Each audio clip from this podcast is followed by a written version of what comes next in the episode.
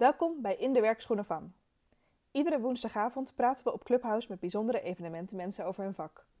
Omdat we willen dat zoveel mogelijk mensen deze gesprekken kunnen luisteren, luister je nu naar de opname van dit gesprek. Deze aflevering sprak host Steffi van Breugel twee directeuren, namelijk Mirjam Barendrecht van Theater Orpheus en Marjolein Rietveld van Kunstbende. Veel plezier en we horen natuurlijk graag wat je ervan vindt. Anne, welkom Hallo. ook. Dank je. Eh, ja, ik ben de oprichter van de Centrale. Eh dit is een boekingskantoor voor freelancers. En eh, dat betekent dat wij evenementen freelancers actief koppelen aan opdrachtgevers en vice versa. En ehm, dat doen we op maat. Ehm, en we zijn, terwijl we dat doen, heel begaan met de positie van de freelancers in, in, in het evenementenveld. En onder de naam van evenementenmensen zijn we daarom bezig om ons steentje bij te dragen aan samenwerken en kennisdeling in de sector. Nou, onder meer door deze clubhouse. En eh, verder maken we ons achter de schermen en voor de schermen ook hard voor inclusiviteit en voor fair practice. Eh, ja, en daarom vinden we het belangrijk om van elkaar te leren wat ons werk inhoudt. Ja, superleuk. Echt een mooi eh, initiatief. En vanavond komen we alles te weten over de directeuren. Ehm, en voor we beginnen nog even een, praktische noot voor de luisteraars. Ehm, we gaan het hier hebben over de ins en outs van de directeuren. En je kunt vragen stellen door je hand op te steken. En dan laten we die op het podium.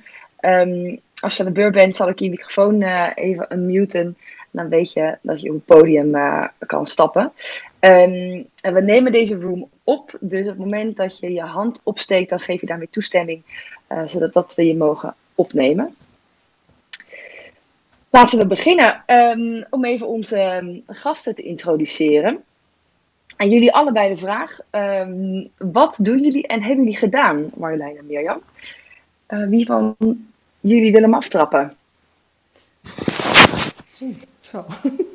Ben jij dat, Mirjam? Of eh, zal ik aftrappen? Nou, trap jij maar af, Marjolein. Trap ik? Oh, ja hoor, prima. Ja. Eh, ik ben Marjolein, dus directeur bij Kunstbende. Nu zo'n 14 jaar. Ik ben ooit gestart als productieleider in het veld. Ik heb voor festivals gewerkt. Ik heb ook een uitstap gemaakt eh, naar de ABN AMRO.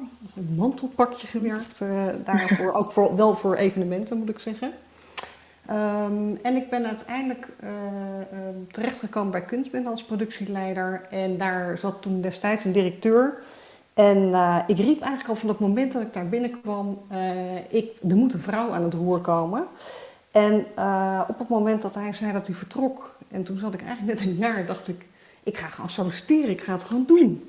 En toen werd ik het dus. En toen dacht ik wel, oeh, best wel, eh, misschien wel een beetje een grote mond. Waar begin ik aan? Dat heb ik natuurlijk nog nooit gedaan. Ik bedoel, ik kon eh, evenementen organiseren, draaiboeken maken en dat soort dingen. Maar kan je dan ook de financiële kant en de strategische kant, et cetera. Eh, dus nou ja, eigenlijk is, is, zijn mijn eerste jaren daarin ook heel uitdagend geweest, maar ook echt enorm veel geleerd. Ehm, dus dat is eigenlijk een beetje mijn achtergrond, denk ik, bij kunstbende. Ja, mooi, mooi eh, ambitieuze roeping gehad en eh toch gewoon even in het diepe gesprongen. zeker, absoluut. Dankjewel.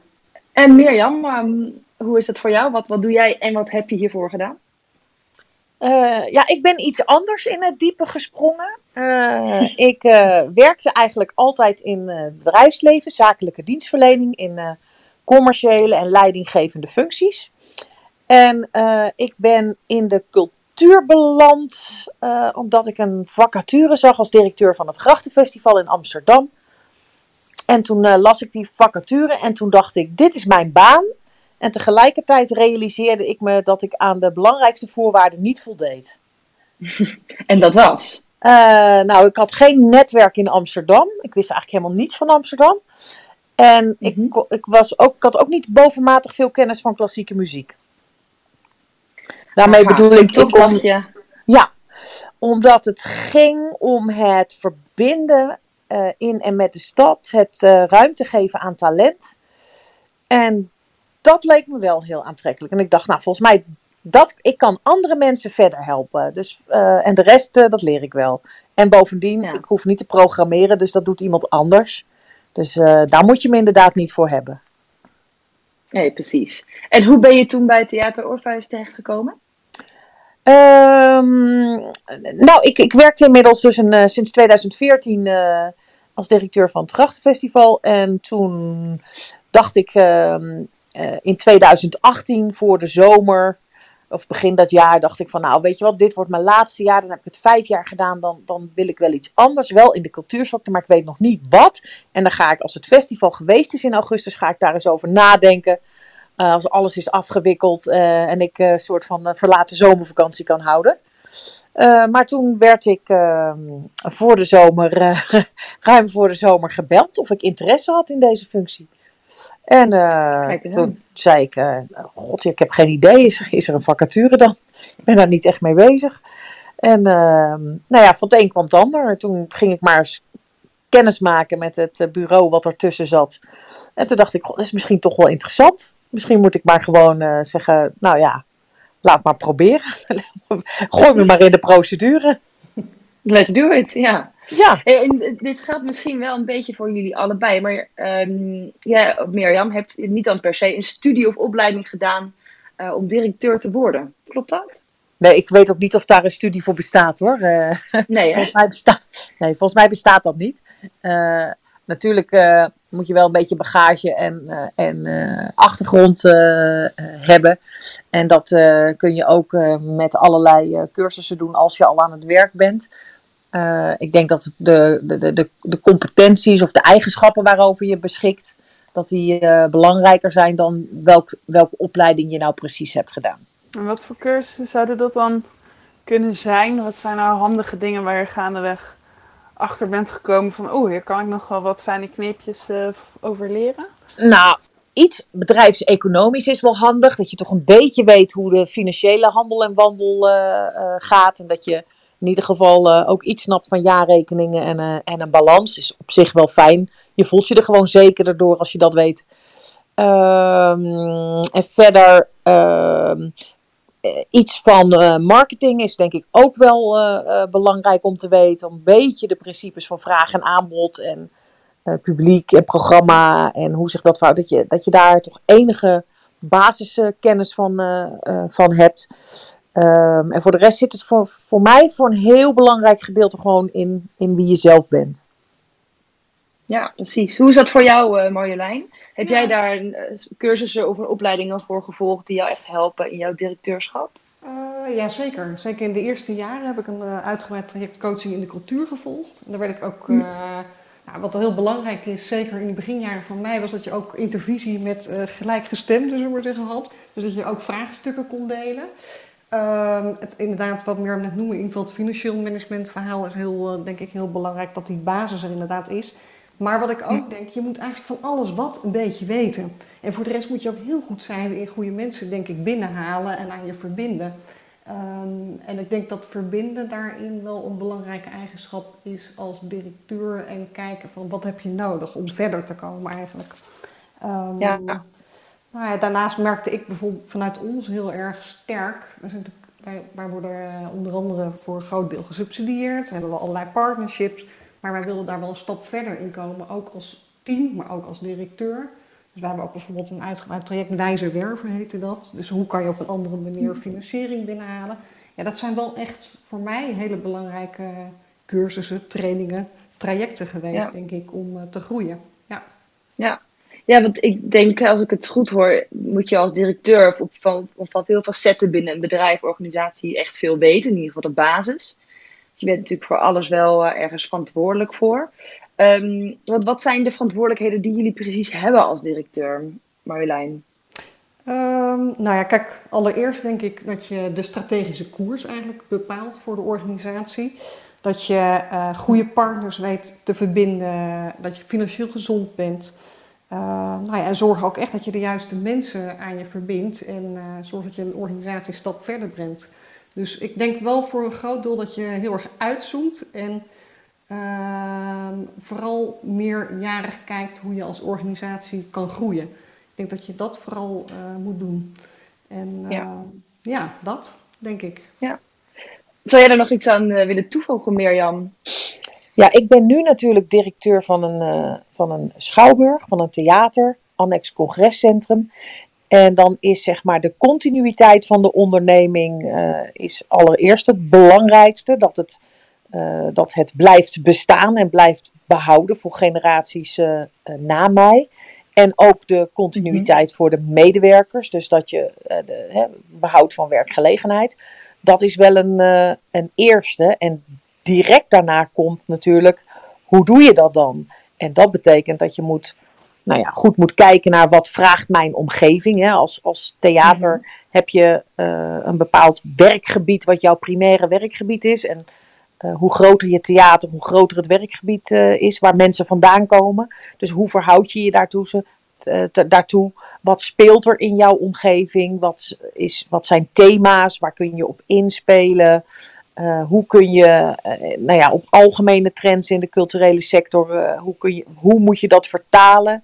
Kijk, Apeldoorn is geen Amsterdam, dat zal iedereen begrijpen. Dus eh, als waar diversiteit en 180 nationaliteiten in Amsterdam iets vragen van de podiumkunstensector, dat is bij mij anders. Dat wil niet zeggen dat. Maar je zult begrijpen dat dat anders is. En wat is dat dan? Nou, daar moet je naar op zoek. Dus dat betekent dat je in, dat je in gesprek moet zijn. En dat hoef ik niet allemaal zelf te doen. Hè. Daar, dat is ook wat Marjolein zegt. Je moet de goede mensen om je heen verzamelen. Maar je bent wel degene die moet zeggen: jongens, die kant gaan we op. Dat hoort erbij. En stipje op de horizon. In 2000 zoveel, 24 bijvoorbeeld, willen we daar staan. En hoe gaan we dat organiseren? Ja. En is dat altijd leuk om te moeten doen? Ook om die verantwoordelijkheid te dragen? Ja.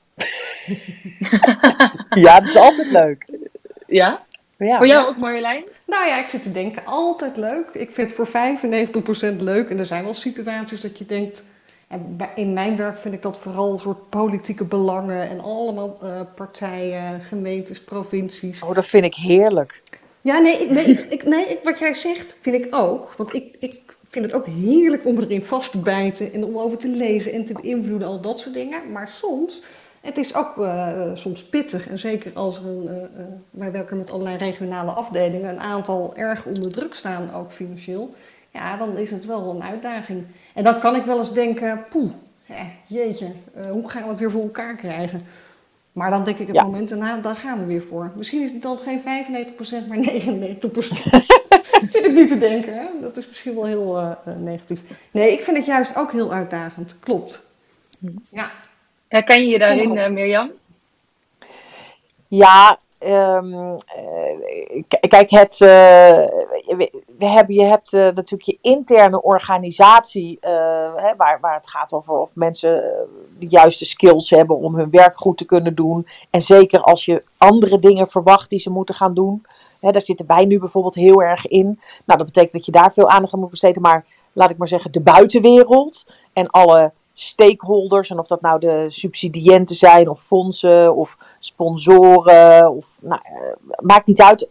Alles wat, alle type organisaties, anders dan jijzelf, die voor jou belangrijk zijn, om daar ook goed mee in gesprek te blijven en op, op het juiste moment van de dingen te weten, daar eh, invloed op uit te oefenen, dat, dat, dat kost heel veel tijd.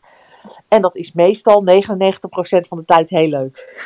Oh, je hebt bij jou ook een Ik vind het heel af, mooi dus- hoe enthousiast jullie zijn. Ja. Ehm, wordt, er, wordt het directeurschap vaak onderschat, naar jullie mening? Marjolein?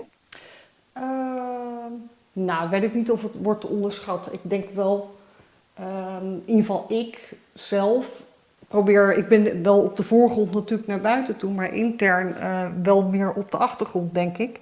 Of het dan wordt onderschat, ik, ik weet ik niet eigenlijk. Ik zit te denken, geen idee. Ik, of, of zwaard, ik denk dat ieder zo zijn kracht heeft en eh, eh, vanuit zijn functie eh, werkt. Dus op, ja. Hoe bedoel je onderschat dan eigenlijk? Nou, jullie dragen natuurlijk best wel een eh, verantwoordelijkheid als directeur. En, eh, Mirjam zei Zeker als al, je zegt dat jij op de achtergrond eh, werkt.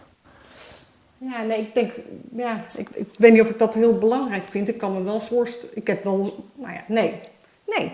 Ik weet niet of het onderschat wordt, zeker niet.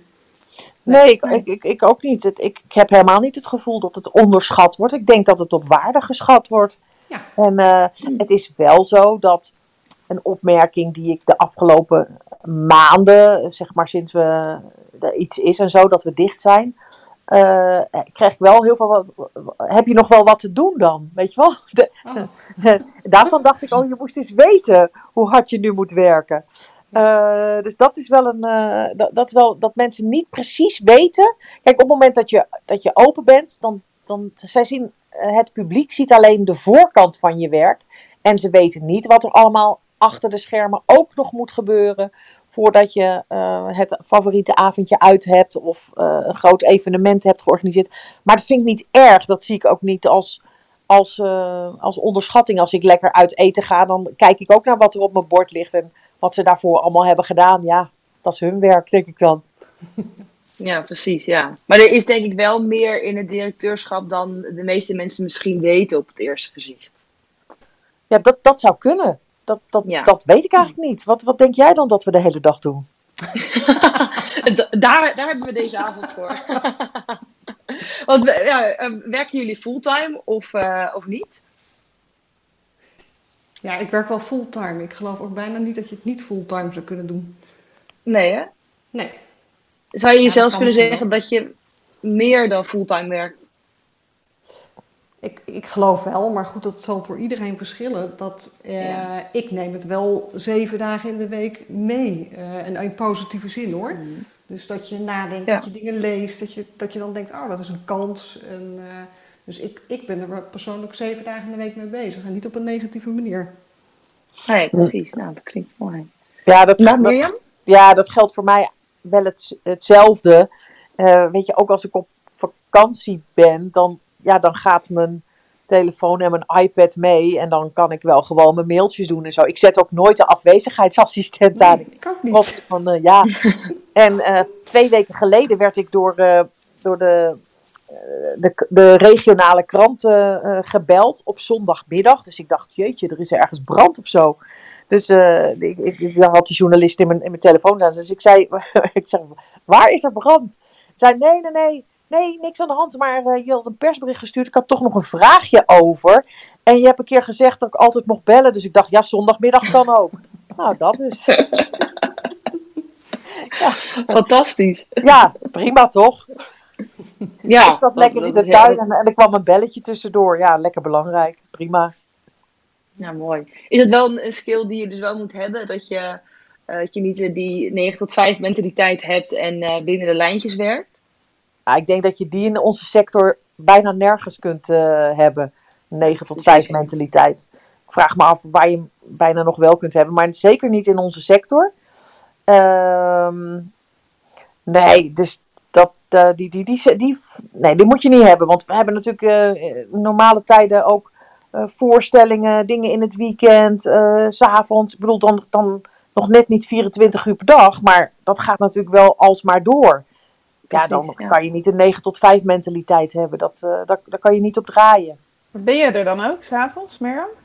Nou, niet altijd, maar ik probeer het twee avonden in de week eh, eh, te zijn.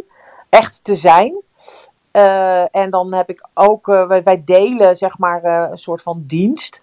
Dat je, dat je zeg maar bij calamiteiten, als die mochten plaatsvinden, dat jij de, de, degene in, in charge bent.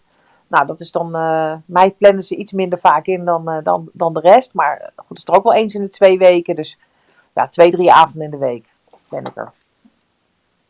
Ja. Hey, we hebben een vraag van eh, een van de gasten van vorige week, van Valentijn van der Wal.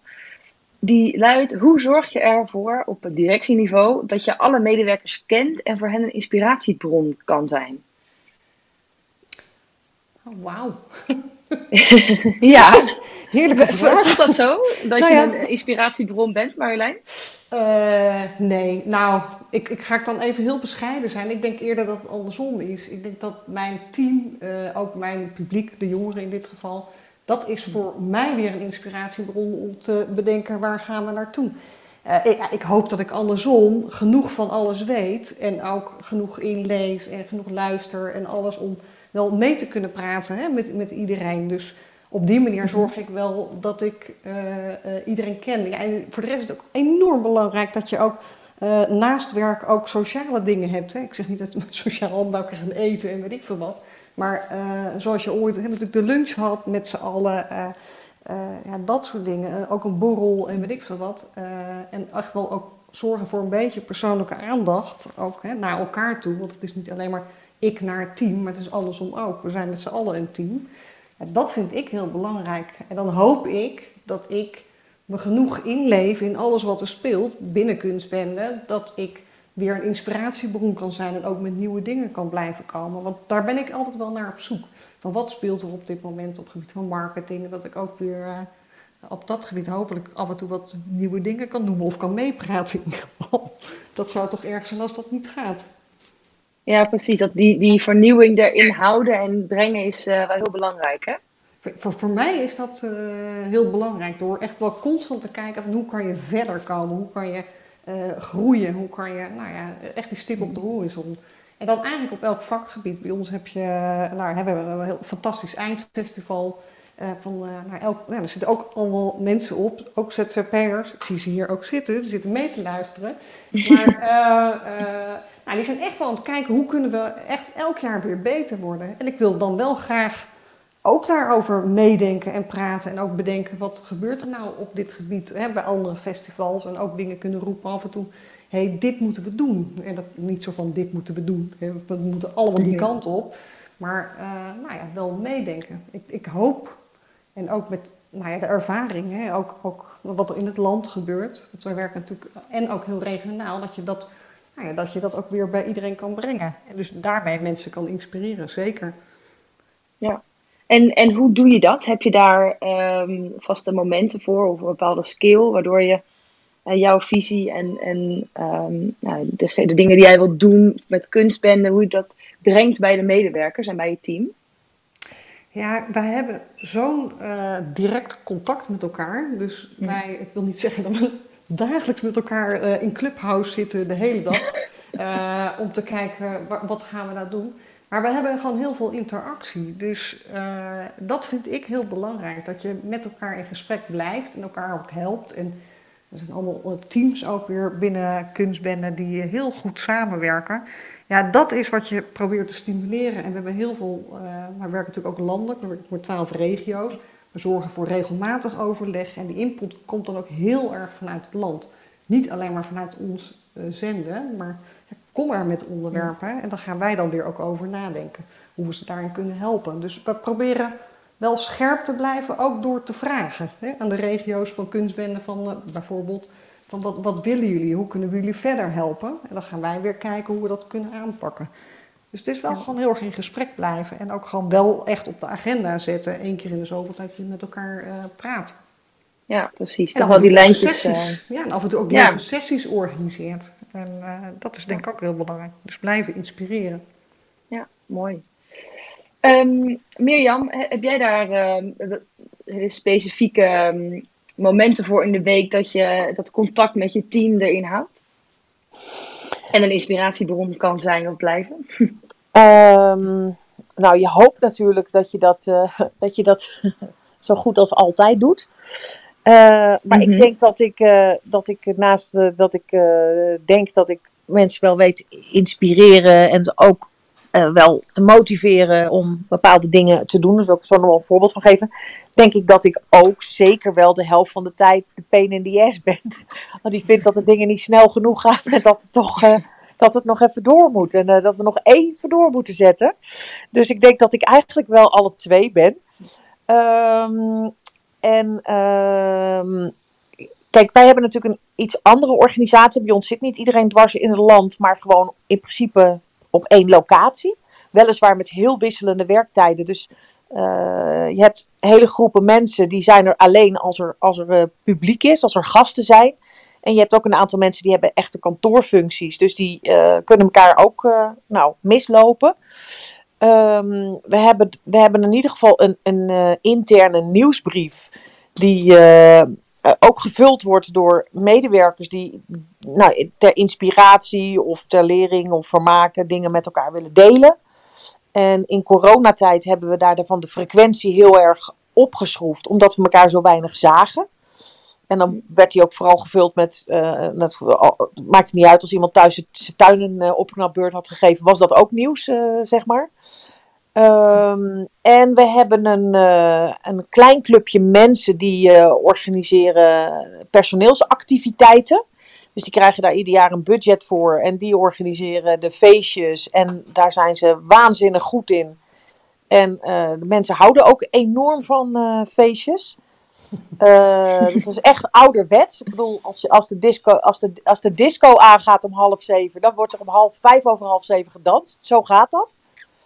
Ehm, en als het gaat op de inhoud van waar gaan we naartoe. eh, wij hadden voor, moesten voor de periode 21, 2021, 2024 een nieuw beleidsplan eh, maken. Van nou, waar willen we staan in 24? Nou, daar heb je natuurlijk de, de contouren voor. eh, dat, hè, dat is dan mijn verantwoordelijkheid. En die heb ik ook heel veel opgehaald uit de omgeving. Maar de invulling en de precisering, dat gebeurt dan met eh, teams. En dat betekent ook dat het veel makkelijker is om daarna sne- nou ja, sneller vooruit te gaan, omdat we het met elkaar bedacht hebben. Ehm, ja, dus je, ja, je probeert van alles, van een mailtje, een praatje, een, een, een grapje. Ja, eigenlijk alles. Alles wat je zelf leuk vindt, vindt een ander meestal ook leuk. Precies, ja, dat is mooi. Ik vind het heel mooi dat je inderdaad, eh, vanuit het beleidsplan ook het gelijk weer doortrekt naar de teams. En het zo eigenlijk wel weer nou, kleiner houdt en eh, iedereen betrokken houdt. Ja, nou, het is ook zo dat Dat- alle afdelingen hebben, zeg maar, eh, uit de, de, de, de, de kern van het beleidsplan, dat kent iedereen. Dus dat staat ook in iedereen zijn jaarplan. Of in iedereen zijn afdelingsplan. En dat is weer vertaald naar een actie voor jaarplannen. Zo, zodat het ook één geheel wordt en we allemaal voor hetzelfde werken. En ehm, nou ja, we zijn nu eh, in dit beleidsplan een paar maanden onderweg. En het zijn natuurlijk andere maanden dan we hadden gedacht. Maar we hebben wel ehm, op 10 en 11 mei eh, een bijpraatsessie met iedereen. Van eh, waar staan we nu en waar gaan we naartoe? En dan gaan ook mensen van verschillende afdelingen vertellen van, nou ja, bijvoorbeeld marketing. Hoe ziet onze heropeningscampagne er zo meteen uit? Eh, en dat soort zaken. Ehm, en daar, eh, die bijeenkomsten die stellen we niet verplicht. Ehm, we nodigen iedereen uit om erbij te zijn, om zich voor een van de data op te geven. Eh, in de hoop dat ze het zo inspirerend vinden dat ze komen of dat ze anders denken, shit, ik heb het gemist. Ja, precies. Mooi. Ik, Ehm, eh, ik wil er wel iets over zeggen. Want eh Mirjam is. Ik, ik, kijk, ik kan over Marjolein ook wel het een en ander vertellen. Maar dat heb ik dan uit de tweede hand. eh, van onder andere een paar mensen die hier in het publiek zitten. Ehm, maar dat is niet eerlijk. dat mogen ze zelf maar een keer doen. Nee, maar ik kan over Mirjam wel wat vertellen. Want Mirjam is natuurlijk toch een vol jaar mijn directeur geweest. Voordat ze helaas naar Orpheus vertrok. Want ik had heel graag nog wel langer door haar geïnspireerd willen worden. Ik, eh, ja, ik, ik vind wat je zegt eh, een hele goede zelfanalyse, Mirjam. Want je bent, ja, het is heel prettig als directeur ehm, eh, dat het zowel met, nou ja, pardon my French, zachte en harde hand gaat. Want ja, dat is gewoon nodig in een team om zowel de, de, de doelen te halen en de deadlines na te jagen. En tegelijkertijd te kijken naar hoe je het ook leuk hebt met elkaar. En, Ja. en hoe de onderlinge dynamiek goed is. Ja, dat ook, ja. Ja, zeker. Eh, Laura, eh, jij hebt natuurlijk ook eh, eh, twee jaar, denk ik, hè? Met Mirjam gewerkt. Hoe, hoe vond Nee, jij dat? één. Oh, één. Toch? Ja, nee. Toch? Eén maar, één. maar ja, klopt. potsidori. Ja, nee, Andy vroeg of ik daar iets over wilde zeggen. Net, in de app. En eh, wat ik heel tof vond wel altijd, is dat jij heel daadkrachtig was. En heel makkelijk, snel beslissingen kon maken. En daar niet bang voor was. En dat is denk ik ook wel iets waarvan je in eerste instantie denkt, oh, dat is logisch, want je bent de directeur. Maar dat is niet iets wat altijd voorkomt. Eh, en dat vond ik heel verfrissend en inspirerend ook wel. En dat is wel tof, omdat we best wel een klein team hadden. Ja, Waarbij dingen ook wel eh ja dat dat, vlot moesten gebeuren. dat, dat, vind ik, dat vind ik wel dat, go- goed dat je dat zegt. Want dat zeg ik ook altijd tegen iedereen. Ik heb liever dat je een besluit neemt. En dat je er achteraf achter komt dat het niet het goede besluit was. Maar dat je maar blijft dralen en geen besluit neemt. Want dan kom je echt niet verder. Eh, dus dat zeg ik ook altijd tegen medewerkers. Joh, het kan niet schelen, neem nou een besluit. En eh, ga het maar proberen. En als het dan niet lukt, nou ja, dan zien we wel weer. Dan, dan draaien we, gaan we wel weer iets anders verzinnen. Ja. Maar ja, je moet, je moet natuurlijk door. Je moet blijven bewegen. Ja. Ja. En, Wat en zijn verder... Laura, Oh, sorry. Ja, nee, ga maar. Laura, ik ben wel even benieuwd. eh, en eh, misschien voor jou ook wel, Anne. Maar ehm, ehm, heb je misschien, ja, hoe heeft ehm, Mirjam jou dan heel persoonlijk kunnen inspireren? Ehm jeetje. Op heel veel manieren. Ehm, sowieso vond ik het heel tof hoe, eh, hoe gepassioneerd Mirjam was over het festival. Eh, dit was dan bij Gratis Mhm. Festival, ik weet niet of het al gezegd was. Ja, toch? Jawel. Ja. Ehm, eh, en betrokken ook bij, bij iedereen. Dus wat, wat ik al zei, wel best wel een klein team.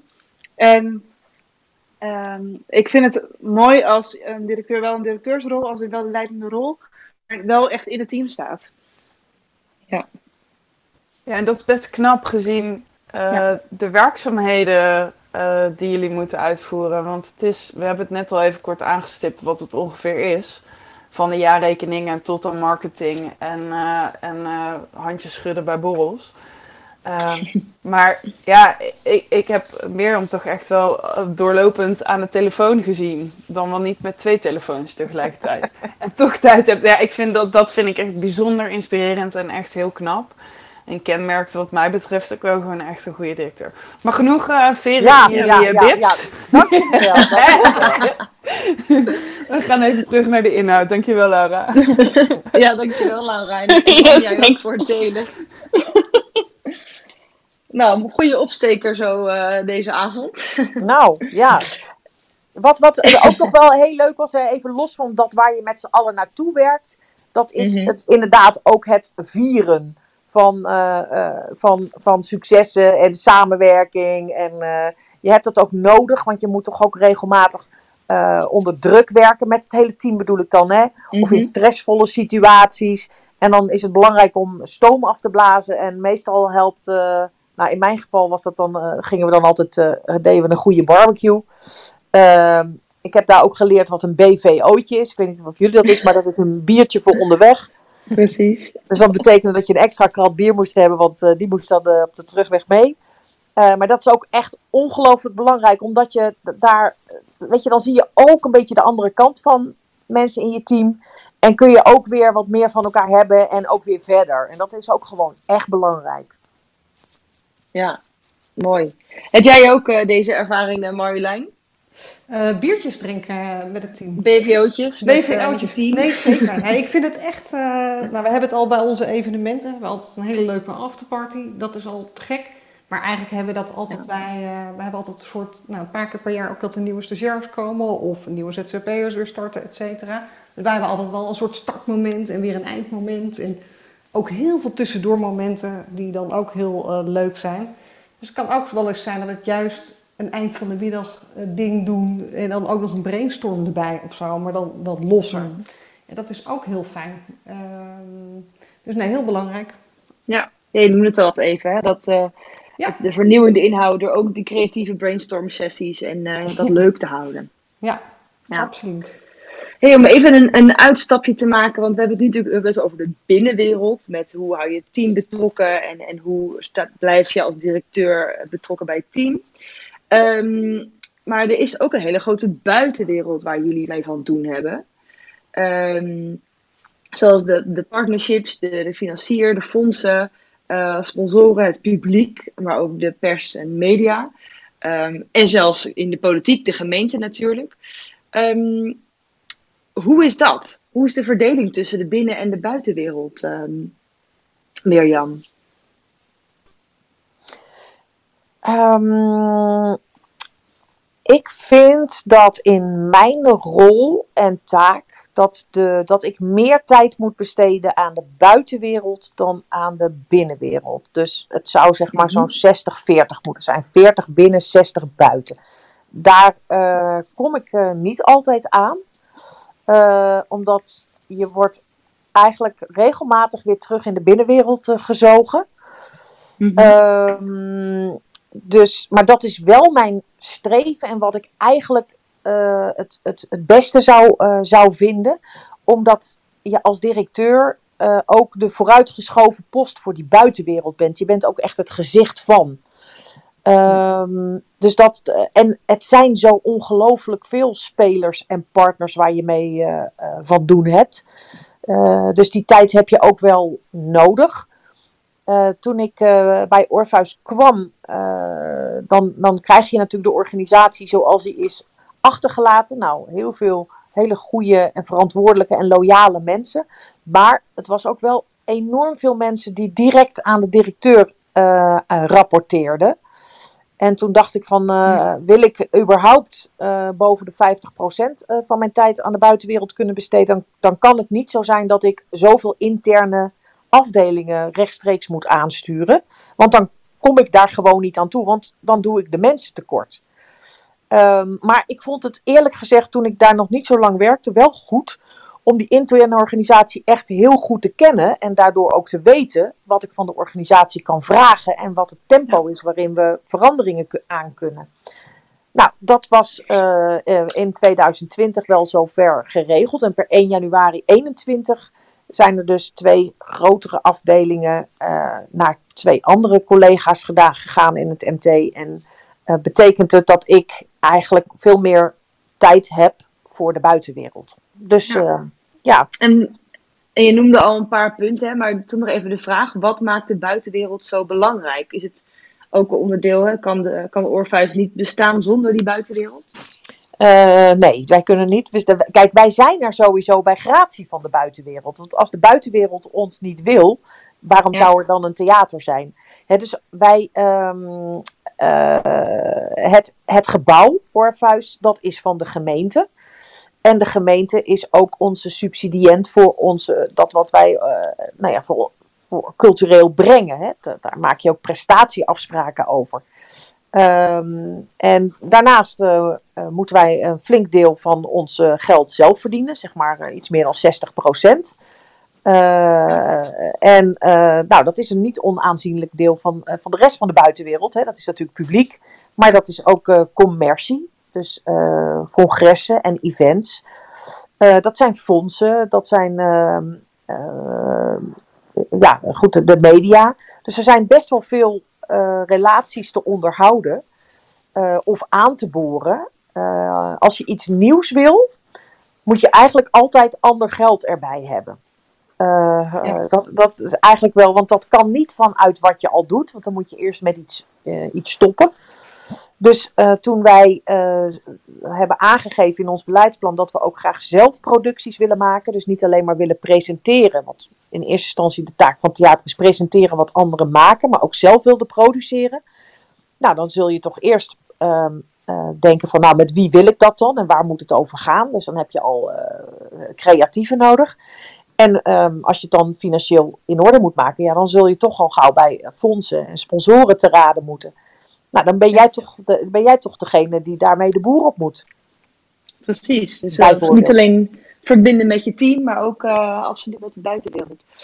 Ja. Marjolein, hoe, um, hoe is het voor jou? Heb je ook een, een beeld van zoveel procent besteed ik aan de buitenwereld en zoveel aan de binnenwereld? Ja, dat, dat verschilt dus. Ik hoor 40-60 uh, bij jou, Mirjam. Mm -hmm. Ik denk dat het bij mij intern, ook omdat wij al die regionale afdelingen hebben uh, die niet direct onder ons vallen. Dus dat zijn allemaal bestaande culturele instellingen waar we mee samenwerken. Maar dat voelt wel als een interne organisatie. Daar gaat best veel tijd in zitten. Uh, dus ik denk dat het bij mij meer 50-50 is. En het ook, als ik dan kijk naar wie ik ben, ook een valkuil is om in die interne organisatie te veel te, uh, te zitten. Dus voor mij is deze tijd supergoed om meer ook op dat andere deel meer te gaan zitten. Dus dat je niet te veel in het team zit, te veel hoort, veel, ja, weet je wel. Dus dat je je echt gaat richten op die buitenwereld. En die is bij ons, ook qua allerlei partnerships en ook financiering, is best groot. En dat kan ik ook absoluut niet alleen. Dus wij uh, zijn de afgelopen jaren, en daar hebben we ook een heel traject voor gevolgd, en veel meer naar buiten toegekeerd. Eigenlijk vanuit alle afdelingen. En dat is wel echt nodig. En dan is natuurlijk mijn rol, denk ik, meer de grote, ook grote financiers en uh, ook meer de, de gemeentes, provincies, uh, maar ook het, uh, waar, waar worden bijvoorbeeld meerjarig gesubsidieerd door het Fonds voor Cultuurparticipatie. En we hebben ook een, ja, best veel partners en sponsors ook op dit moment. En Ja, dat, dat kost ook best veel tijd om dat te onderhouden. En ook met elkaar te blijven zoeken naar wat wordt weer die volgende stap. Hè? Want je, je, we spreken natuurlijk allemaal doelen met elkaar af. Hè? Van we willen uh, dit komende jaren bereiken. Ja, dan moet je er wel ook echt voor zorgen dat je die continuïteit bewaakt en ook in gesprek blijft en evalueert. Want dat is natuurlijk ook wel een, uh, een belangrijke stap. Precies, dus, weten of je het goed doet. Ja, ja, ja. ja absoluut. Ja. ja. En wij hebben nu Nee, op dit en- moment, eh, oh ja, sorry, wij hebben op dit moment een Nee, hele grote partner binnengehaald, al een aantal jaar. Die is nu voor tien jaar verlengd, dat is Rabobank. En daar gaat heel veel tijd in zitten. Want die, die, die Ja. vragen, die, die hebben tientallen projecten waar wij bij betrokken kunnen worden. Dus dat is ook best opletten, dat dat niet ons allemaal opslokt eigenlijk. Ja, Ja, en dus daar moet je natuurlijk wel voor zorgen dat, dat kunstbende kunstbende blijft en niet eh kunstbende Zeker. Rabobank. Ja. zeker. Ja. Ja. Ehm, even een, eh, een, weer een, een ander thema. eh, Want jullie hebben natuurlijk veel verantwoordelijkheden, lange dagen, ehm, meer dan fulltime werken. En eh, zelfs op zondag mogen jullie gebeld worden, in ieder geval Mirjam. Ehm, wat, wat doen jullie om te ontspannen na een lange dag? Dit is al een leuke reactie. Marjolein, vertel. Nou ja, ik, ik ben eh, enorm slecht in ont, eh, ontspannen, moet ik eerlijk zeggen. Dus wat ga ik doen? Ja, ik geniet enorm van eh, met mensen afspreken, eten samen, dat soort dingen. Dus heel handig in deze tijd. Daar kan ik echt door ontspannen. Dus gewoon lekker met mensen uh, ouwe hoeren over allerlei dingen. En sporten. Dus ik, ik vind sporten heel lekker. Ik heb de squash, normaal gesproken. Dat, dat is echt voor mij afreageren, heerlijk. En eh, natuurlijk het gebruikelijke Netflixen, wat volgens mij heel veel mensen. Helemaal in deze tijd. Ja. Helemaal En- in deze tijd. En nieuwsprogramma's. Ik hou echt, Oh, als je het dan hebt over, eh, ja, allemaal dingen over de wereld krijgen, vind ik heerlijk. Ja, actueel blijven. Ja. Ja. En, en het sporten en het afspreken met vrienden, blok jij daar echt tijd voor in, in je agenda? Dat je zegt, nou, ik wil echt zoveel tijd in de week eh, dit doen. Eh, nee, dat blok ik niet. Nee. Nee. Kijk, voor mijn werk plan ik dingen vooruit, maar mijn persoonlijke leven eh, helemaal niet. Dus Nee. Komt dat dan niet juist altijd helemaal achteraan de, de rij, Marjolein? Nou ja, kijk, ik, dat ga ik even iets zeggen. Wat enorm geholpen heeft, is een kind krijgen, ooit. Dus ooit was, we zo maar zeggen, dat je totaal alleen maar met werk bezig was. Als je eh, eh, op een gegeven moment, ik heb een dochter van acht. Dat heeft er echt voor gezorgd dat je privé gezien eh, veel meer oplet en kijkt van, eh, dat je daar ook echt ruimte voor maakt. Niet zozeer voor je kind alleen, maar ook voor jezelf. En ook dus dat die balans gewoon heel goed is. Dus je moet er eigenlijk wel ruimte voor maken, maar ik plan niks in. Nee. Dus je bent inderdaad wel genoodzaakt om, ehm, en, en je kind is natuurlijk ook al geen tijd voor jezelf, maar om wel meer tijd, eh, of minder tijd te werken misschien. Ja, nou wel op te letten. Dat je inderdaad ook... Je, je- kijk, vakanties en zo wel inplannen. Weet je wel, dat soort dingen. Dat, dat, Ja. Ik, ging, ik kon bij wijze van spreken volgende week op vakantie gaan. eh, had ik dan in mijn hoofd, maar ik plande het niet in. En dat, dat is denk ik wel heel belangrijk. En wat trouwens Ja. ook wel heel ontspannend is, maar wat, wat ik blij ben, wat straks weer kan, gewoon naar theater gaan, naar concerten gaan, dat soort dingen. Ja, Ook heerlijk. ja daar kijken, kijken wij denk ik allemaal ja, dat denk eh, ik enorm. En jullie, weet Ja, je wel. Dat is natuurlijk fantastisch. Precies. Ja. Mirjam, eh, wat doe jij om te ontspannen? Kan je ontspannen? Oh ja, dat vind ik helemaal niet ingewikkeld.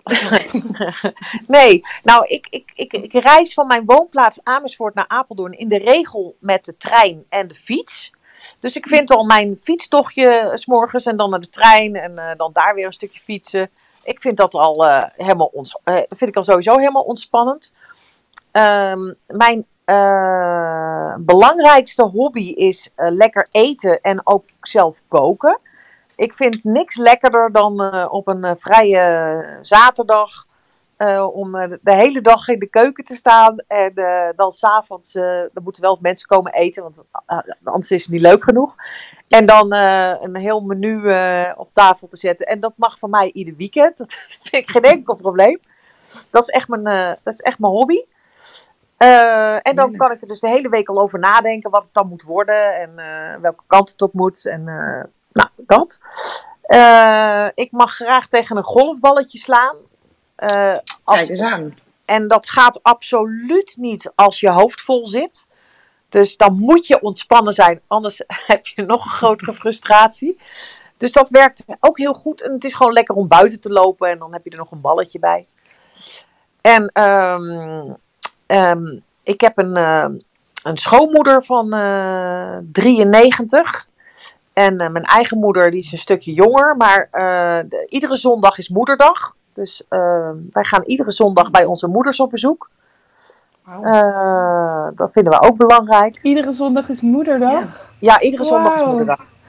Wat, wat ontzettend lief. En Ja, belangrijk. Dat vooral. ja, ja, ja, ja, iedere zondag is moederdag. ja, Heerlijk. daar kunnen ze altijd op rekenen. Dus eh, ja, Nou, Ja. fantastisch. Ik moet zeggen dat ik, het klinkt, eh, dat directeurschap klinkt als een, een, natuurlijk een, een grote baan met veel verantwoordelijkheden. En dan al die ontspannende dingen die je doet, ehm, klinkt echt fantastisch. Maar ook misschien wel een uitdaging om de, de, de tijd eh, te bewaken. Ja, weet je, het ligt ook een beetje aan hoe je er zelf in zit. Want Mm. ehm, wat voor de een eh, voelt als, eh, oh wat een druk en dat moet allemaal nog. Weet je, het werk is nooit af. Dat moet je alvast accepteren. Eh, Ja. hè, dus als je daar niet tegen kan, moet je, moet, je, moet je ook niet productieleider of zoiets worden. Dan moet je gewoon een andere baan zoeken. Maar als je, dus dat is, dat is één. Daar moet je al sowieso heel relaxed in zitten. Je moet natuurlijk wel zorgen dat je, als je bijvoorbeeld een fonds moet aanvragen, dat je die deadline wel haalt. Dus er zijn deadlines die je moet halen. En er zijn heel veel deadlines waar je naar streeft, maar waar je nog uitloop hebt. De- dat, zo moet je, er wel, eh, moet je er wel in zitten. Want iedere dag komen er dingen tussendoor die je van tevoren niet had bedacht. D- dus, ehm, en de een kan nou één keer veel meer werk eh, eh, verstouwen eh, dan de ander. Dat is ook een, ook een feit. Eh, Er waren, ik heb vroeger een baan gehad waarin ik 60 uur in de week werkte en ook nog eens een keer ontzettend veel reistijd, lees tijd had. En daarnaast zat ik nog in de gemeenteraad, waar ik 20 uur in de week besteedde. Ik heb geen idee hoe ik dat gedaan heb, maar dat heb ik toch 12 jaar gedaan. Dus, en dan had ik ook nog een paar bestuursfuncties erbij. Ja, Wauw. eh, schijnbaar, eh, schijnbaar kon ik dat. Ja. Dus de, je, je mindset is, eh, is wel een belangrijk onderdeel daarin. Ja, superbelangrijk. Ja. ja. Marjolein, heb jij ook een bepaalde mindset waarmee je in het leven staat? Eh, ja, ik denk vooral dat ik eh, heel, heel een positief. Nee, nee, nee, nee, ik ben eigenlijk. Nou, dit klinkt heel raar wat ik nu ga zeggen. Want ik ben eigenlijk een heel positief mens. En zeker in mijn werkleven. Echt eh, heel erg positief. En misschien ben ik dat in mijn eigen leven ietsje minder. Dus ja, is dat een mindset? Dat Hmm. is niet zo heel. eh, nee, ik heb, ik heb wel heel erg. zeker van je moet echt wel genieten van eigenlijk alle dingen die je doet. En dus ook in je, in je vrije tijd. Eh, nou echt wel zorgen ook dat je goed uittunt en dat je happy bent. En eh, dat je gewoon een goede balans hebt ook. Dus ja, dat is wat ik doe. Maar Ja. niet Ja, ik, ik hoor dat bij jullie allebei wel veel terug hoor. Dat, het heel belangrijk is om ook te vieren. Zeker, En daar ook vooral heel erg van te genieten. zeker. Ja. Ja. Maar En- werk draagt daar dus ook echt aan bij. Ik, ik kan daar echt, Ja. eh, ik haal daar heel veel plezier uit. Ja. Dat is belangrijk, ja. Ehm, welke tip zou je jezelf, eh, je tien jaar jongere zelf, meegeven? Om bij jou te beginnen, ja. Bij mij? Ja. Eh, nou ja, grappig. Als je kijkt naar eh, toen ik zelf begon, was ik heel jong. En toen had ik voor mijzelf eh, in mijn hoofd eh, gehaald van hoe moet een directeur zijn. En dan dacht ik echt aan iemand in het pak. En weet ik veel wat ik allemaal in mijn hoofd had gehaald. Dus ik zou vooral heel erg zeggen, eh, wees ook jezelf. En eh, ik weet toen ik begin ben ik ook gecoacht. Dus ik heel erg te denken, hoe moet ik nou als directeur, hoe gedraag je je, hoe ben je, bladibla, hoe krijg je eh, dat mensen, nou ja, weet ik veel, denken wat zij zegt klopt. En hoe krijg je iedereen mee, hoe beïnvloed je. Nou, dat vond ik best wel ingewikkeld al- als starter eigenlijk. En, Hmm. Maar ik heb toen heel erg geleerd vanuit de coach, je moet heel erg je eigen manier zoeken. Je moet niet kijken naar hoe andere directeuren het doen. Zoek wie jij bent en hoe jij leiding geeft. En volg daarin niet eh, de regels zoals het zou moeten zijn. En ik vond het best wel intimiderend toen in het begin, toen ik startte, was ik eh, in de twintig. En toen zat ik eigenlijk tussen bijvoorbeeld allemaal directeuren van mannen, 50 plus, die in pak zaten. Bij het ministerie kan ik me nog herinneren. Dus ik, ik dacht echt wel, jeetje, ik moet dat ook zijn, weet je wel. Ik moet, ik moet, Ja. eh, dus ik zou vooral zeggen, blijf jezelf. Ja. En zoek ook heel erg naar wie jij bent en wat jouw manier van eh, leiding geven ook is. Wat Ja. past bij jou. Ga vooral niet gelijk een, zijn. Gelijk een mooie tip voor de luisteraar die Ja. eh, het ambieert om directeur te worden, denk ik. Ja. Mirjam, wat, welke tip zou jij jezelf geven, tien jaar geleden? Nou, ik denk dat mijn tip voor mezelf nog, nog iets langer geleden eh, eh, ligt. Eh, misschien ben ik al iets langer in dit soort functies. Maar het belangrijkste is, ehm, ik heb geleerd op mijn handen te zitten. En wat betekent dat voor jou? voor, voor mij betekent het dat soms kan, ik, eh, kan je als mens ongeduldig zijn omdat het niet snel genoeg gaat en dat je eigenlijk denkt, ik had het ook maar beter zelf kunnen doen. Nou, dat is, dat is dan één keer leuk dan is het sneller. Maar ja, niemand verder leert er wat van. En dus dan moet je het allemaal zelf doen. Dat, ga- dat slaat natuurlijk nergens op. Dus ik heb geleerd op mijn handen te zitten, maar dan ook echt letterlijk. Dus eh, ik heb daar nu eh, nou, zo goed als nooit meer last van. Maar vroeger des te meer. Toen was ik nou ja, veel te eager dat het, dat het precies moest zoals ik het had bedacht. En ook zo snel als het moest. En toen heb ik geleerd om echt op mijn handen te gaan zitten. En daar dus de rust van te, rust van te krijgen. Ja, Ja. En is dat gewoon een kwestie van, ehm, van het aanleren en doen? Of had je daar nog wel speciale, ehm, nou ja, misschien ook wel een coach voor? Of eh, andere ehm, tricks Nee, voor heb- jezelf om dat te kunnen doen? Ik heb nooit eh, het genoegen van één coach gehad. Maar wel eh, zeg maar opleidingen ge- gehad vanuit het bedrijf waar ik toen werkte. Wat nog in de, in de commercie was. Maar toen had ik dat dus ook al. Eh, en daar heb ik dat wel tijdens zo'n training geleerd. Ja, dat ik dat moest doen. En Ja. toen zei ze, doe het ook maar echt. Op, ga er ook maar echt op zitten, zodat je er bewust van bent. En dat heb ik echt een, een, best wel lange tijd, in de zin van maanden gedaan. En toen hoefde ik er niet meer echt op te gaan zitten op mijn handen. Toen, kon ik het, toen herkende ik het en toen kon, ik het zelf bijsturen. Maar daarvoor Ja. moest ik echt op mijn handen zitten en werd ik daar rustig van. dacht ik, oh ja, wacht even, rustig, relax. Oh, Kijk, het werd- je werkte ook nog zo een- als kalmerend voor jezelf. Fantastisch. Ja, ja, Ja. ja. Ja, maar dat wa- wa- Ja, nee, maar kijk, als jij gestrest bent of iets dergelijks, dan, dan, dan slaat dat direct op iedereen over. Dan, dan, kan, dan kan er niet meer gewerkt worden. Absoluut, ja. Dat is ik ook wel, en als, als in de rol van directeur heel belangrijk, dat je weet ehm, wat voor een impact en effect je hebt op je team, maar ook op de buitenwereld. En dat je daar heel bewust van moet zijn. Ja. En als je een goede wisselwerking hebt met het team, en daar zitten professionals, vakprofessionals, dan kan je Ja. als directeur ook vertrouwen op als zij iets zeggen. Nu adviseer ik je, we moeten die kant op, of we moeten dat doen, of we moeten nu dit besluit nemen. Dan moet je daar ook. En als, als je, als je dat, die basis hebt van vertrouwen, dan kom je heel ver. Ja, mooi. Ehm, dan even eh, een blik op de toekomst werpen. Ehm, Mirjam, welke functie zou je nog wel eens willen doen voor een week? Als alles mag. Stel je voor. Wat zou je dan eh, graag doen? Eh, dan, wil ik, eh, dan wil ik één week minister-president van Nederland zijn. En wat zou je dan doen? Wat zou je veranderen?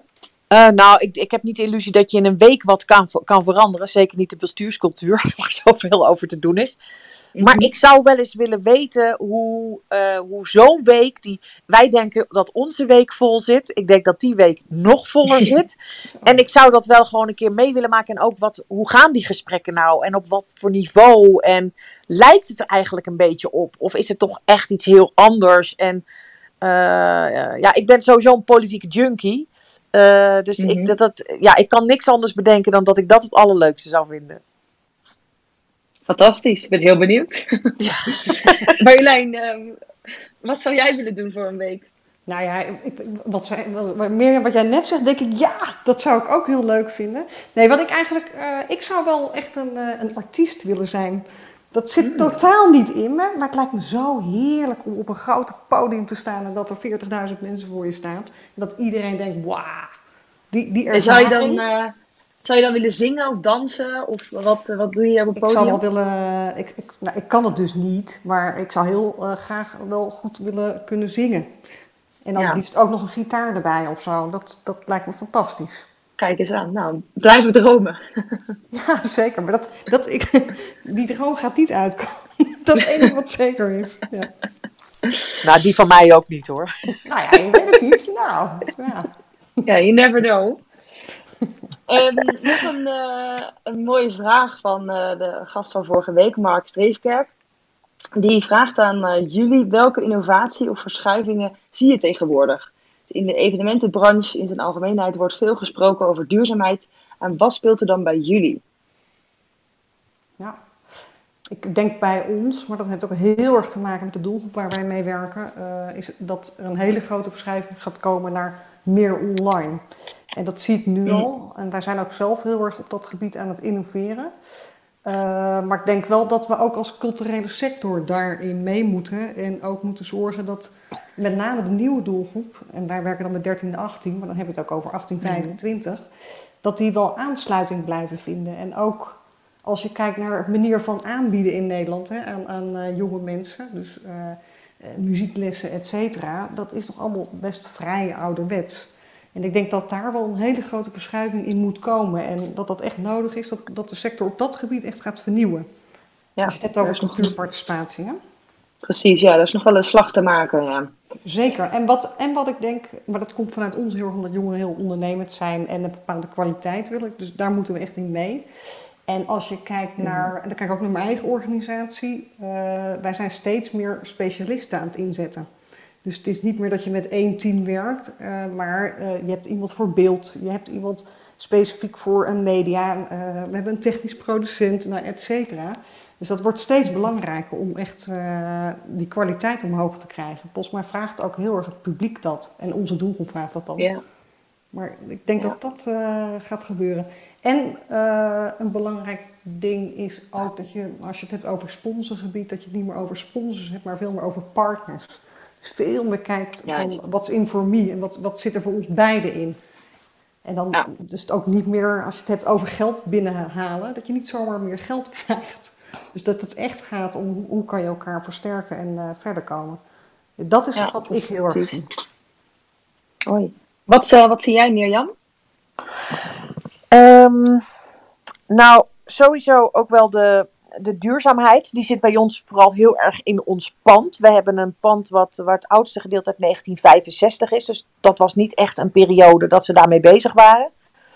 Ehm, dus dat, dat is wel een, eh, een uitdaging. ehm, waarbij de constatering is dat het meest duurzame wat we kunnen doen is niks doen. Want dan komt er namelijk niemand, dan zijn er geen bewegingen. En dan hoeft het licht niet aan en zo. Dus dat is gewoon geen optie. Hè? Eh, het, eh, de- maar we moeten wel kijken van hoe kunnen we het terugbrengen, onze footprint. En dat gaat, eh, dat gaat heel breed. We hebben ook bijvoorbeeld de Vega Vrijdag. Dan kun je in ons restaurant vooral vegetarisch eten. Digitalisering ben ik het met Marjolein eens. Hoewel het ook wel erg lastig is om als theater, die niet de eigenaar is van de content, hè, want die ligt bij de artiest, eh, om wa- wat, wat je dan kunt doen. Want eigenlijk ben je niks anders dan op dat moment dan een gebouw. En alles waar we goed in zijn, lijfbeleving, gastvrijheid, eh, een, een drankje, de ontmoeting, dat is precies wat er ontbreekt als het digitaal is. Dus ja, als dan alles waar je goed in bent er niet meer toe doet, dat is wel een ingewikkelde. Maar dat is wel iets waar, waar ik nu wel mee bezig ben van, van een hele zoektocht van wat gebeurt er nu in onze sector, eh, wie doet wat. Ehm, kun je er überhaupt een duppie aan verdienen? Want ja, alles wordt ongeveer eh, gratis eh, aangeboden. Dus dat, daarmee maakt het onszelf niet makkelijk. Maar wat is onze rol daarin? Wat kan onze specifieke rol daarin zijn? Daar, dat, dat is wel een thema waar we nu mee bezig zijn.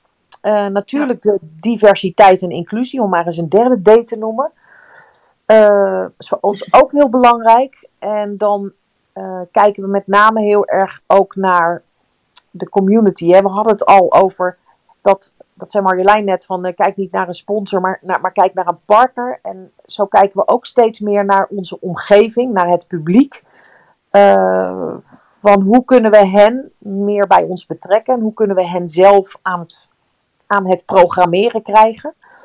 Dus bij ons kun je ook gastprogrammeur uh, worden als, uh, als nou ja, jongeren, uh, jongvolwassenen. Um, en dat zijn ook. Dus veel meer verbinden. Ja, ook daarin veel meer verbinden ja. en de ontmoeting. Want schijnbaar weten wij niet precies te programmeren wat die doelgroep uh, van net boven de 18, uh, begin 20 leuk vindt.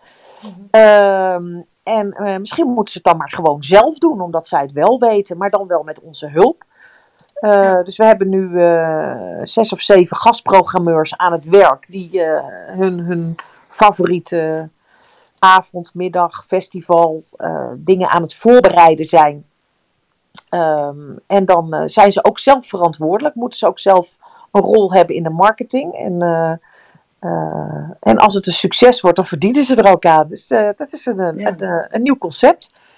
Um, ja, zeg maar die zoektocht, die, die blijft eigenlijk wel, wel spelen. Ja. En wat ook nog belangrijk gaat zijn, je hebt natuurlijk mensen die zeggen van ja, de kunst is voor de kunst en daar, dat is het enige waar het om gaat. Maar ik ben niet helemaal van die school, want uh, zonder draagvlak uh, van je omgeving uh, ben je er niet. Mm-hmm. Dus voor ons is het ook, wij kijken ook heel erg, en daar heeft de corona wel bij geholpen of het versnelt. Of we ook een bijdrage kunnen leveren aan algemene grotere opgaven die er in de omgeving leven, waar, we, waar um, wij bij kunnen helpen. He, dus uh, eenzaamheid uh, bijvoorbeeld. Uh, dus wij hebben binnenkort weer een hele grote groep ouderen die komt bij ons op dansles, zeg maar. En, dat, en die gaan Mooi. uiteindelijk met elkaar een voorstelling maken na 15 weken repeteren. Ja, hey, dat is gelijk wel een mooi uh, bruggetje. We zijn eigenlijk alweer aan het eind gekomen, dus ik heb nog één vraag. Want je noemt al, hè, de, de, je speelt in ook op deze tijd en wat er um, in corona, uh, hoe je daarop kan inspelen. En als je nou één ding mag noemen wat je mee zou nemen van deze tijd, wat zou het dan zijn? Um, voor mij is dat het allerbelangrijkste. Um, heel kort. Tot voor corona was het zo dat theater, schouwburgen, concertzalen, die maakten een programma. Dat presenteerden ze zo'n beetje in april, uh, mei. En dat ging dan uh, zeg maar uh, een jaar vooruit. Dus van september tot, tot, tot het jaar daarop. En dat is natuurlijk niet meer van deze ja. tijd. En daar zijn we nu gelukkig vanaf. Want dat hoeft niet meer. Want nu weet iedereen dat het ook anders kan. Dus we gaan veel. We kunnen met meer urgentie. We kunnen actueler. dus we gaan een balans vinden tussen dingen die nou één keer lang van tevoren moeten worden vastgelegd. Omdat het grote producties zijn die uh, uh, ook vol risico's zitten en waar je wel moet weten dat, dat ze ook een zekere speellengte hebben. Maar aan de andere kant ga je ook flexibeler. Dus waarom moet je alles in ja. mei van het ene jaar weten wat er volgend jaar mei is? Dat is natuurlijk gewoon onzinnig. Dus ja. dat is een hele interessante die nu, die nu speelt. Mooi. Voor jou Marjolein, wat zou jij meenemen? Uh, ik denk, als ik kijk naar afgelopen jaar, wij zijn wel versneld uh, nieuwe dingen gaan doen. En één daarvan is dat wij, we noemen het Club Kunstbende, dat wij bezig zijn met een hele online community. Wij hebben afgelopen jaar uh, door ook in gesprek te gaan met onze doelgroep, jongeren, ook wel heel erg gehoord wat zij gemist hebben. En dat is toch wel echt connectie maken met elkaar. En die probeerden wij wel online tot stand brengen. Maar je merkt ook de doelgroep 13, 18 dat die elkaar live zien. Dat dat enorm belangrijk is. Gelijkgestemden ontmoeten, met elkaar uh, werken, dus collabs aangaan en dat soort dingen. En dus wij hebben ook afgelopen jaar, dat nemen we heel erg mee, zijn we wel ook echt versneld ook die community aan het optuigen. En daarin gaan we ook keuzes maken in uh, dat we vaker dingen ook online gaan doen, omdat het makkelijker is. He, je hoeft niet meer uh, de regio uit. Dus dat je bijvoorbeeld vanuit Groningen naar een event in uh, Utrecht moet. Dus dat is natuurlijk ook voor jongeren kan het een enorme drempel zijn, het reizen. Maar, en dat we daarnaast ook echt wel inzetten op al onze activiteiten nog meer op die ontmoeting. Dat het nog meer centraal komt staan. Dat is echt wat wij gaan meenemen. Ja, mooi. Nou, kijk eruit. Ja. um, ik wil jullie uh, heel erg bedanken. We zijn aan het einde gekomen van uh, deze evenementenwensen Clubhouse Room. Eh, ik heb in ieder geval enorm veel van jullie geleerd. Jullie misschien ook wel van elkaar, wie weet. Zeker. Um, dus hartelijk dank daarvoor. Volgende week is er weer de vol of nee, volgende week is het bevrijdingsdag. dan zitten we in plaats van in Clubhouse op de website van de bevrijdingsfestivals de livestreams te kijken. De week erna zijn we er wel weer, op 12 mei. En omdat we dit zo'n leuk onderwerp vonden, de directeuren, nodigen we er dan weer twee uit. Maar dan van een poppodium en een popfestival. Um, wederom half negen, 12 mei dus. We houden ze nog even uh, geheim, de namen van onze gasten. Maar Marjolein en Mirjam, wellicht um, hebben jullie alvast een vraag voor ze, die we kunnen meenemen de volgende keer. Nou ja, ik, ik, ik ben wel benieuwd wat voor uh, de gasten uh, de ultieme droom is voor de toekomst. In de sector hmm. dan. Dus zowel ja. festivalgebied als uh, poppodium. Voor de poppodia. Waar willen ze naartoe? Ja. Mirjam, wat is jouw vraag? Um, ik denk dat de popsector, en of het nou poppodium is of popfestival heel erg gedraaid hebben op uh, zeg maar uh, bierverkoop. Um, en dat aan de andere kant de gages voor de bandjes uh, enorm laag zijn en niet voldoen aan de fair practice, tenzij jij een topper in Nederland bent. Um, mm-hmm. En ik vraag me af of ze er in wat ze bedacht hebben om daarmee te breken. Dus hebben ze nieuwe verdienmodellen gezien die uh, voor hen zelf gunstig zijn en ook voor de muzikanten in de sector. Juist. Dus de fair practice. Nou, dank jullie wel voor deze vragen. We gaan ze meenemen. Uh, ehm, 12 mei, half negen. Uh, voor het publiek, laat het ons uh, ook weten als jullie natuurlijk vragen hebben. Uh, die kan je sturen via de socials of via de website van de centrale. Dat is wij zijn centrale.nl.